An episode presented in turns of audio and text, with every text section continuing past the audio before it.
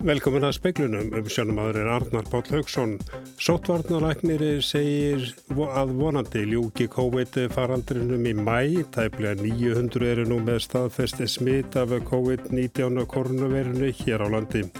Ríkistjóðin leggur til að laun þjóðkjöruna fulltrú og ennbætismanna verði frist fram að áramótum.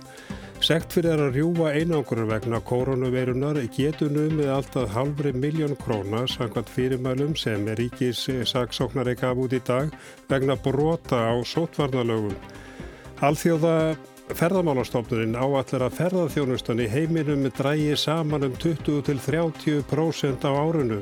Miljónir starfa er í hættum. Danir hafa áhyggjur á COVID-glæpum, frumvarpum að herða viðlöf við þeim hefur verið lagt fram á danska þinginu og fær flíti meðferð. Bob Dylan kom aðdándum sínum og raunar heimsbyðin allri rækila óvart í dag þegar hann sendi frá sér nýtt lag. COVID-19 faraldunum líkur vonandi mæ, segir Þórólur Guðnarsson sótvarnalæknir. Allt eins má búast við að samgómmubann sem sett var 13. april verði framlengt. 890 eru nú með staðfess smitt af COVID-19 hér á landi. 88 smitt hafa bæst við síðan í gær þegar fjöldin fór yfir 800. 806 eru í einangrun og 82 hefur batnað. Sex er í öndunavél á gjörgæslu landsbítalans vegna COVID-19. Alls hafum 4% þjóðarinnar verið prófuð fyrir koronaveirinni. Þá eru 3% þjóðarinnar í sótkví. Helmingurna þeim sem greindust síðasta sólaring voru þegar í sótkví sem skiptir miklu máli, segir Þórólfur. Í dag er einn mánuður frá því að fyrsta COVID-19 smitið fannst á Íslandi ef við hugsun tilbaka og hugsun um faraldurinn í heilt þá má ætla það að við séum svona tæplega hálnuð í þessu langklaupi sem við eigum nú fyrir höndum en eigum eftir að ná hápunktinum. Varðandi áframhaldi þá eigum við eftir að ná toppnum eins og við höfum sagt og við getum búist við að sjá aukningu á greindum tilfellum eh, vísvegar landið á, á næstunni en vonandi mun það fylgja þeirri spá sem að gefin hefur verið út en við þurfum alltaf að hafa í huga að, að svona líkan, spálíkan er ju bara spálíkan. Við þurfum að halda áfram þeim aðgjörðum sem notar hafa verið til þessa en það er óvíst hvenar núverandi samkomu takmörkunum muni ljúka en þeim er ætlað að standa til 13. apríl og ég byrð landsmennum að búa sig undir það að samkomu bannið muni standa eitthvað lengur en e, það mun skýrast betur á næstu dögum eftir því hvernig faraldurinn verður. Ég vil aftur minna á það að þetta er langklaup og við hefum langt í land en við megum búast við því að þessum faraldri muni ljúka sennilega kannski einhver tíman í mæ.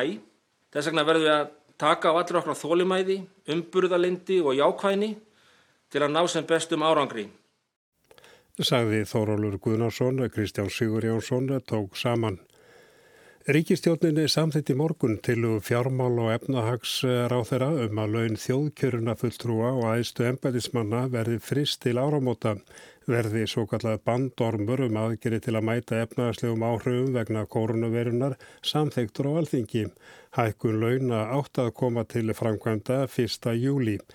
Þetta er annað árið rauð sem lögbundin hækkunu þjóðkjöruna og ráð þeirra og ráðuneyti stjóra er senkað en hækkun sem átt að koma til framkvæmda 1. júli 2019 eða fyrra var sleið á fresti til síðustu áramóta í tengslu við gerð lífskjara samninga á síðasta ári. Sekt fyrir að rjúa einangrun vegna korunveirunar getur numið alltaf halvri miljón króna sangkvæmt fyrirmælum sem ríkis saksóknari gaf út í dag vegna brota á sótvarnalögum. Lámar sekt fyrir að rjúa einangrun er 150.000 krónur. Aðeins er sektað fyrir fyrsta brot samkvæmt fyrirmælum ríkissaksóknara en áhersla er lögð á að ákjærendur meti hvert tilvik fyrir sig.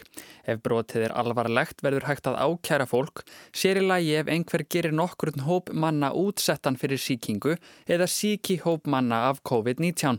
En alvarlegra er ef um er að ræða fólk í sérstrakri hættu vegna undirleikjandi sjúkdóma.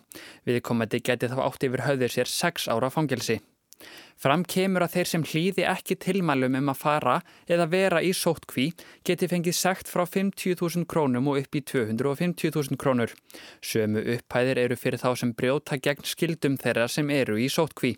Þeir sem sækja samkomi þar sem eru fleiri en 20 geta fengið segt upp á 50.000 krónur. Segt fyrir að standa að slíkri samkomu getur verið allt frá 250.000 krónum og upp í halva miljón. Þeir sem ekki hlýða fyrirmælum um lokun staðar samkvæmt samkomibanni geta átt yfir höfðir sér 100 til 500.000 krónar segt. Lögregla hefur enn sem komið er fengið fáar tilkynningar vegna brota og opinberum sótvarnar ástöðunum sem ríkirsaksóknari segir að sé til marksum samstöðu í samfélaginu um þýðingu og mikilvægi þessara aðgerða. Andri Irkill Valsson saði frá. Ferðarþjónustan dregst saman um 20-30% á þessu ári samkvæmt nýri spá alþjóða ferðamála stofnunarinnar í Madrid. Miljónir starfa eru í hættu. Stopnunin spáði því í byrjun árs að vöxtur í greininni er við 3-4% en þá brast á COVID-19 farsóttin. Horfurnar voru endurskoðaðar og 7. mars var gefin út ný spá um 1-3% samdrátt. Þremur vikum síðar er útlitið orðið samdráttur um 20-30%. Súrab Pólalíkasvíli, yfirmaður alþjóða ferðamálastofnunarinnar, sagði þegar hann kynnti þessa kólsvörtu spá í dag að engin atvinnugrein er því jafn ítla úti vegna farsóttarinnar og ferðaþjónustan. Miljónir starfa var í hættu í greininni. Árið 2009 í efnaðaskreppunni eftir að bankarhunnið árið áður varð 4% samdráttur í ferðaþjónustu á heimsvísu. Samdrátturinn varð 0,4% árið 2003 eftir að SARS faraldurinn varð 774 að bana víða um heim. Að þessu sinni eru áhrifin á greinina enn viðtækari eftir að flugfélag dróðu verulega úr starfseminni, margar þjóðir lokuðu landamærum sínum og settu á útgöngubann eða skipuðu fólki að halda sig heima og enn er ekki útséð um hvenar farsóttin rénar um hinn vestræna heim. Ástýr Tómasson saði frá. Stjórnvöldu kynnti í dag aðgerri í 15 liðum til að lámarka neikvæð áhrif í sjáarótvi og í landbúnaði. Brugðist er við því ástandi sem nú ríkir en einnig hort lengra fram í tíman segir á þeirra. Af beinum aðgjörðum á nefna auki fjármakt til gardirkju, aukna ráðgjöf til bænda og greiðslur vegna afleysinga þjónustu. Færa á til fjármunni til að koma til mótsið matvælaframleðendur og afurða tjón vegna koronaveiru faraldusins verður skráð. Í sjávarútvim á nefna auki fjármakt til hafransokna, engu vegna loðnu. Svigurum til að flytja aflaheimildi millir fiskveið ára, leifi til að gera hlýja og grásleppu veiðum eða sjómenn þurfa í sótkví og þá á að flýta afgreifslur ekstra leifa í fiskeldi. Kristján Þór Júliusson sjáur út þessu landbúnaðar á þeirra segist ekki geta lagt mat á kostnaðin við þessar aðgerðir og mögulega þurfa að grípa til frekari aðgerða. Það kunna vel að koma upp einhverja nýjar aðstæður, við vitum í grunninn ekkert hvernig þetta kemur til með að þróast og það kann vel að vera að við þurfum að grípa til einhverja frekari aðgerða og við munum þá gera það ef að aðstæður kalla á slíkt. Þetta var Kristján Þór Júliusson og Ágúst Ólásson talaði við hann.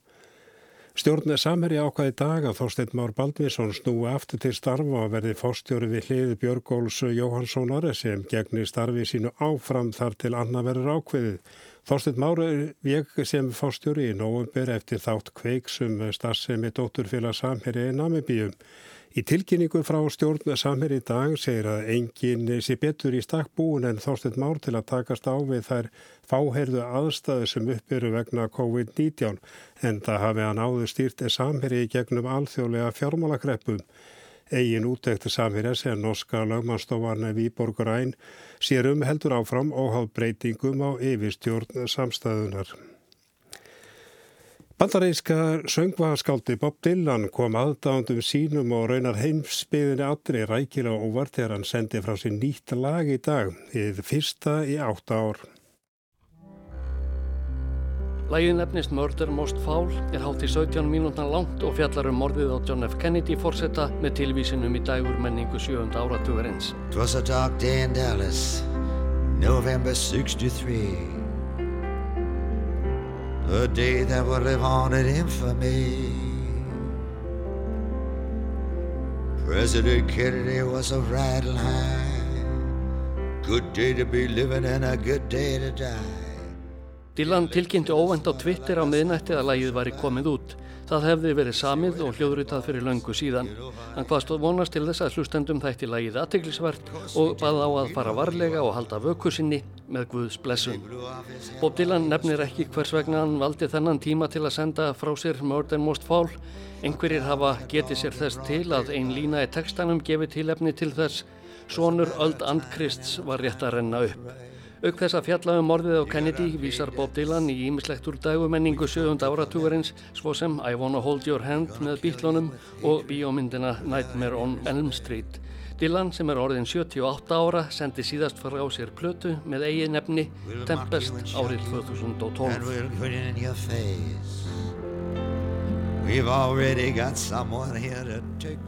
Og hér heyrðum við brotulæginu Mördur Most Fál Áskir Tómasson saði frá.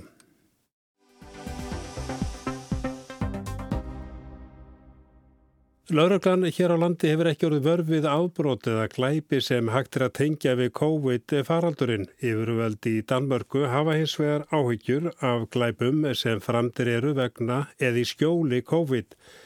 Þegar hefur verið tilkynntu með þjófnað á varnarbúnaði og einstaklingar villi jafnil á sér heimildir og þykist vera heilbriðistarsmenn.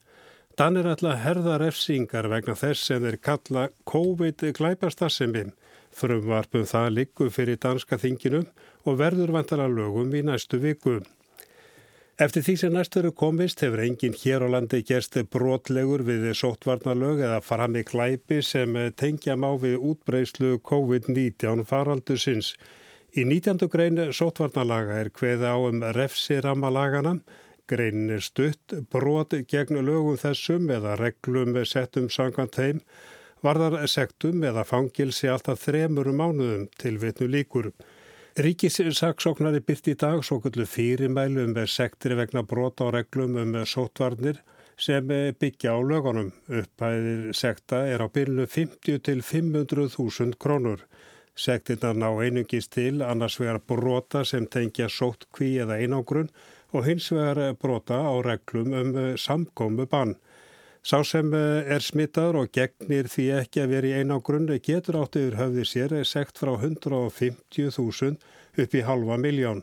Sá sem eh, tekur þátt í samkomu þar sem fleiri eru en 20 getur fengið 50.000 krónar sekt og sá sem skipulegur samkomuna gæti fengið sekt frá 150 upp í halva miljón krónan. En það er viðbúið að einhverju nýti sér aðstæður og fremji klæpi sem tengja má við COVID ástandið. Sumir brjóta hugsanlega óviljandi af sér. Í Nóri var til dæmis tekið hart á því þegar smitaður heilbriðistarsmaður brá sér í parti með félögum sínum sem samkvæmt norska útvarpinu voru allir í sótkví. Smitaði heilbriðistarsmaður var sektaður og hljóðaði sektun upp á 20.000 norskar krónur eða næstum því 270.000 íslenskara króna. Ef sektin verður ekki greita til setun tíma á viðkomandi yfir höfði sér alltaf 40 daga fangelsi. Í norsku sótvandalögunum er hveð á um sekt eða fangelsi alltaf tvö ár vegna brota á lögunum. Ef brotið hefur í för með sér mannslif er hveð á um alltaf fjögra ára fangelsi svist. Karl Steinar Valsson, yfirlauruglu þjótt hjá lauruglunni á höfuborgarsvæðinu, segir að lauruglanna hafi ekki orðið vörfi ábrót sem hægt er að tengja við COVID-faraldurinn. Hann segir hins vera lauruglan fylgist vel með því hvort einhvers lík ábrót eigi sér stað. Sigruður Björg Guðjónsdóttir ríkislauruglustjóri sagði á daglugum fundi almannavarna í dag að rannsóknir síndað heimilisópildi aukist við þar aðstöðu sem nú erum.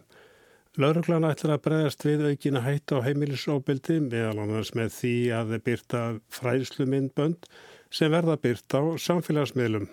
Og glæpir finna sér alltaf nýjan farveg og það eru nokkur atrið sem ber að hafa í huga nú. Það eru ábrótamenn sem eru að hagnast á þessum heim, heimsfaraldri og á fjöldanum öllum á vefsíðum er því haldið fram að það er sétt að kaupa lækningu við COVID-19, framkoma smittprófanir og bólusetningar og ég byrði fólk að leggja ekki trúnað á þetta eins og fram hefur komið hjá heilbreyðsfólkin okkar og það er líka eitthvað um það að leifisleysir sögulega sé að auðvisa eftirlíkingar af andlískrýmum, vítaminum og, og sóttrinsefnum og þessar eftirlíkingar geta líka verið hættulegar. Afbrota með nýta sér það að fólk er áhyggjufullt og leita leiða til að verja sig og bjóða því allskynnsleikningavörur án vörumerkis. Og til að vara sig á svona aðilum þarf að gæta þess að vestla aðeins á lögumætum vefsíðum sem bjóða örugar greiðsluleiðir, kaupa bara lækningavöru frá viðkjöndum söluaðilum og trista engungu upplýsingum sem koma frá ofinbörum aðilum úr heimprisskerfinu. Saði Sigriður Björg Guðjónsdóttir. En dönsk stjórnvöld hafa ágjur að vaksandi ábrotum sem tengjast COVID-19. Þar er heimlega að tala um kórónu glæpastarsemi. Frumvarpum hertan refsirama vegna COVID-gleipan var lagt fram í danska þingjunni gær. Það fær flíti meðferð og stuttir í að það verða lögum vantarlega á miðugudagin í næstu viku. Ástæðan er meðal annars svo að sjúkrás hafa tilkynntum að handspritti og grímum hafi verið stólið þaðan. Einni hafa þjóar vilt á sér heimildir og barið upp á hjá eldri borgunum sagt að þeir væri frá heilbriðis yfirvöldum og nýtti sér tækifæri til að láta greipar sópa þegar inn var komið. Í fyrradag höfðu frá 1. mars 16 tilkynningar eða kærur borist lauruglu um þjófnaði eða inbrott sem tengja má faraldrinum. Þá hafa borist 45 tilkynningar til ríkislauruglustjóra um fjársvig sem talin eru tengjast COVID. Dæmum það er til dæmis fyrirtæki sem að plata til að yfirfæra 125.000 krónur danskar og helt að það var að greiða fyrir sendinga á andlisgrímum. Nick Hekkerup, dómsmálar á þeirra dana, kynnti frumvarpu um hertara refsingar á blamanafundi á miðugudag.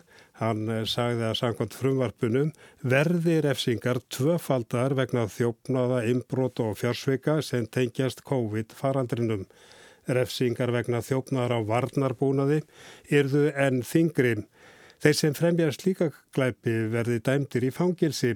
Það er líka hverð áum að fjórfaldar refsingar er fyrirtæki sem þykja aðstóð frá ríkinu misnota aðstöðu sína. Derfor vil regeringen med hasteloven hæve straffen, så den bliver fire gange så høj, som den er i dag. Hvis en virksomhed svindler og udnytter de hjælpepakker, som Folketinget har vedtaget, for at holde hånden under dansk økonomi, så vil det have overordentlige hårde konsekvenser for dem, der begår svindlen. Ef fyrirtæki svindla og misnota þá aðstöðu sem þingi hefur samþygt til að verja danst efnarslið mun það hafi för með sér þungar refsingar fyrir þá sem verða uppvísir af því, segir Hekkurup.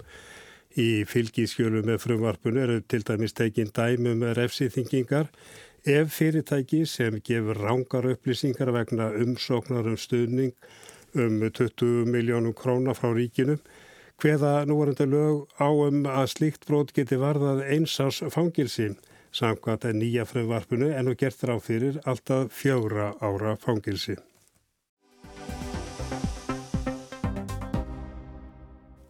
Foreldrar af erlendum uppruna senda börn síni síður í skóla en aðrir og margir í hópi inflytinda fyrða sig á því hvers vegna stjórnvöld hér grýpa ekki til jafna hardara aðgerða til að stemma við stigu við útbreyslu COVID-19 og stjórnvöld í heimalöndum þeirra.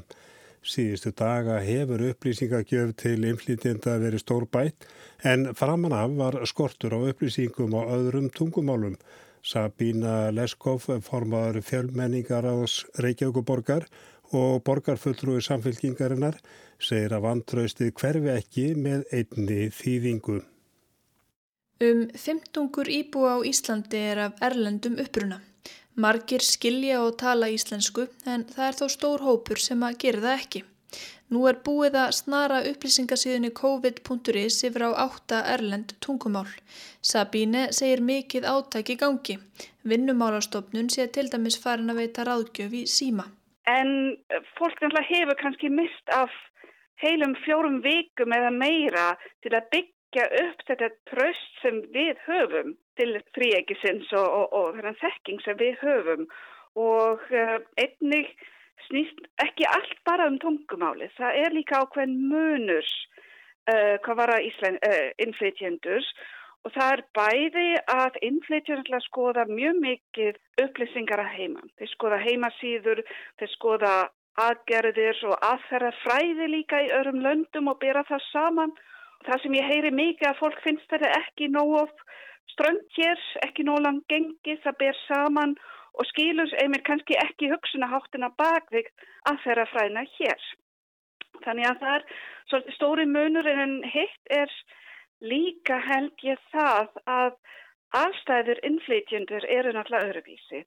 Um, og það er rosalega mikilvægt að hafa það í huganum að uh, flestir innflytjan, ekki allir, um, en flestir innflytjan hér hafa til dæmis ekki eldri ættingar hér á landinu. Sáhópar er ellendis og margir hafa gífulega áhyggjur af þeim að sjálfsögu og þetta er auka streytuvaldi.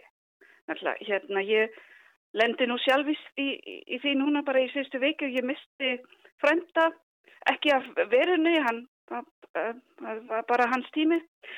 En, en það er svo gífilega auka ála þarna því að bæði hef ég áhyggjur á pappa mínum, hann gæti ekki kvart bróðu sinn, ég gæti ekki bara hoppað inn í flugvel það verður hvort sem er ekki jarða fyrr, ég gæti ekki komast nálægt fórætjum mínum. Þannig að þetta er eitthvað sem er svona auka álag á, á innflytjundur Stór hluti af þeim sem látist hafa úr COVID-19 í svíþjóðir af sómölskum uppruna. Þetta hefur verið skrifað á tvent, annars vegar að stjórnvöld hafi byrjað of seint að miðla upplýsingum á öðrum tungumálum en sænsku og gert of lítið að því og í öðru lagi sé mikill samgangur meðal sómalælandinu og mikill lagt upp úr því að heimsækja og hjálpa fólki sem er veikt. Sabine telur óleiklagt að sambærleg staða kom upp hér. Upplýsingar um sjúkdóminn og varúðarástafanir hafi líklega ratað til lang flestra. Fólk sækir sér upplýsingar á sínu eigin tungumáli í gegnum netið. Sabine hefur vaktað umræðuna í Facebook-hópum innflytjenda og segir svipaðar spurningar vakna hjá þeim og öðrum. Það hafi þó líka farið af stað ákveðnar sögur. Fólk hafi kannski ekki fengið próf að því að það tala ennsku sem er öruglega ekki rétt. Ég bara get ekki trúið þessu en ég veit líka af reynslu minni sem tólkur að í svona panik aðstæðum þá tólka fólk allt á vestaveg. Það skiptir ekki máli eh, bara þótt að skilur allt saman. Margir hafi miklar áhyggjur af flugsamgöngum að komast ekki heim. Þá hafi fólk áhyggjur af réttindum sínum á vinnumarkaði. Uh, ég sit einni í innflytningaráðinu hjá félagsmáðaráðinætinu og við þurfum náttúrulega líka að skoða þarna aðgara pakkan út, út með þeim blerum. Uh, til dæmis hafa margir sem eru að tímabundni atvinnuleifi sem séfræðinga til dæmis og uh, utan frá löndum utan í ES áhyggra því að þeir fái ekki sömu réttindi. Þannig að þetta, þetta er þar í, í skoðun. Sabína segir starfsfólk Reykjavíkur borgar hafa vorið vart við það að foreldrar af erlendum uppruna sendi börn sín síður í skóla en aðrir. Hún segir að á þessum tímum sé það gulls ígildi að hafa starfsfólk af erlendum uppruna í stjórnsíslunni, brúarsmiði sem geti miðlað upplýsingum til inflytendahópa. Og þarna á skóla frístunusvið þá eru brúarsmiða starfandi sem hafa bara haft samband og eru til, getur svara í símanum og, og, og þitt og tólkað og það er alveg gífilega mikilvægt. Hún bendur á að í fyrra hafi komið út skýrsla sem síndi að af hátt í 800 starfsmönnum ráðuneytana hér hafa aðeins einn verið af erlendum uppruna. Sabíne segir að það tæki tíma að byggja upp traust og þess vegna skipti máli að gefa fólki tækifæri í stjórnsíslunni. Hún nefnir fréttaþjónustu rúf á ennsku rúf Inglis. Sú þjónusta hafi skipað sér sess á síðustu mánuðum og margir nú farnir að nýta sér hana. Þá segir hún jákvætt að fjölmiðlar séu nú farnir að byrta stöku frétt á pólsku. En ef ég tala bara pólsku þá náttúrulega byrja ekki núna upp að mitt einstæmi að fletta upp rúfpunkturins. Þannig að þá þurfið þið kannski pólskumælanda mannsku sem er að blasta þetta inn í sína Facebook-hópur.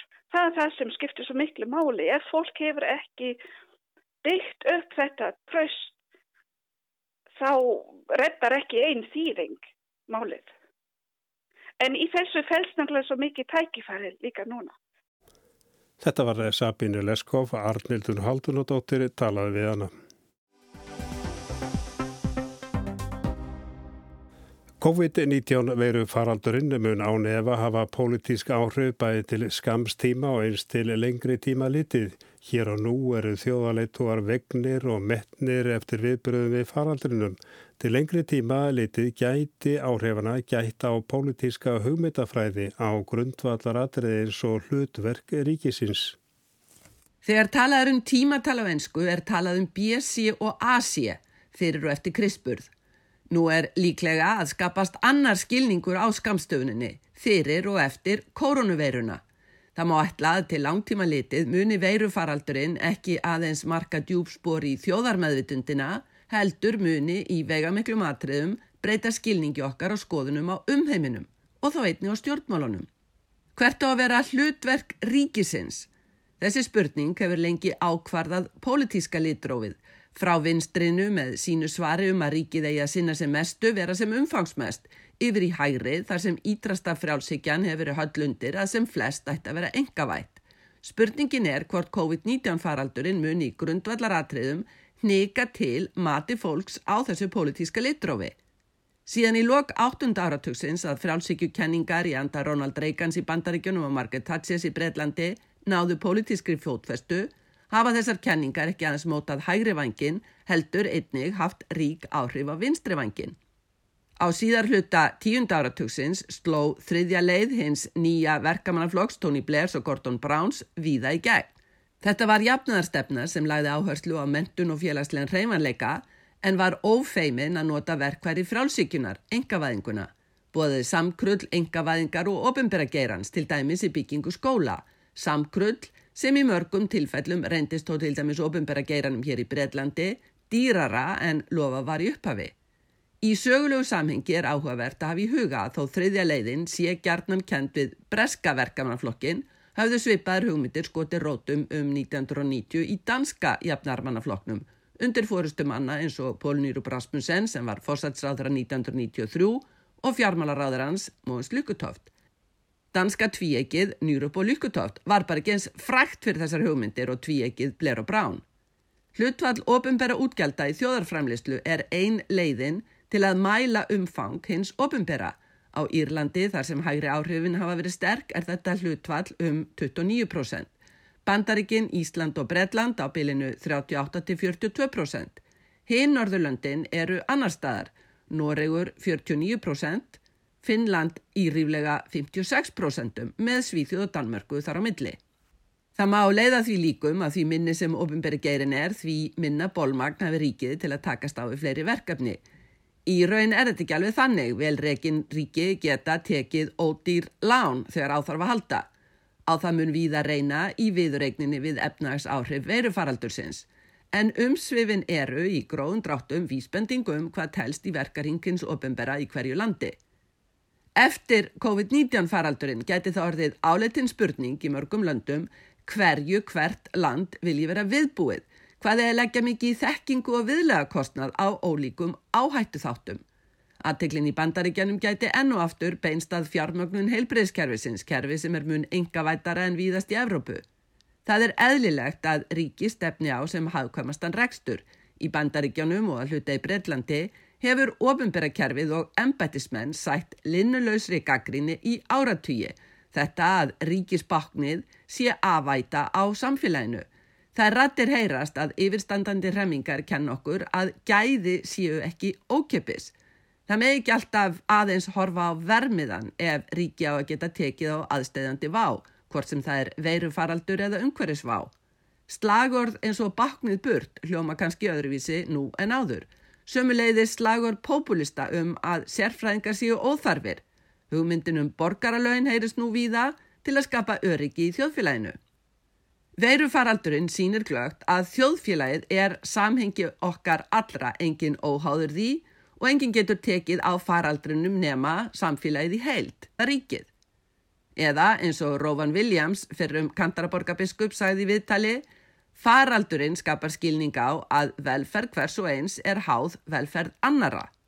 Það kemur ekki ljósverðin síðar hver verður þungvægasti lærdomurinn af þessu öllu saman. Munu komandi kynsluður spyrja, amma, akkur þar svona marga tölfræðinga í heilbriðisræðanitið? Eða verður lífsegasta spurningin, amma, akkur þurfu alltaf að vera þú okkur um hendurnar? Sigrún Davistóttir saði frá og það var allra helst í speiklunum í kvöld að sótvarnalækniri segir að vonandi ljúki COVID faraldarinu með hér í mæ. Það er bleið 900 eru nú með staðfest smít af COVID-19 koronavirinu hér á landi. Og ríkistjóni leggur til að launu þjóðkjörina fullur og embætismanna verði frist fram að áramótum.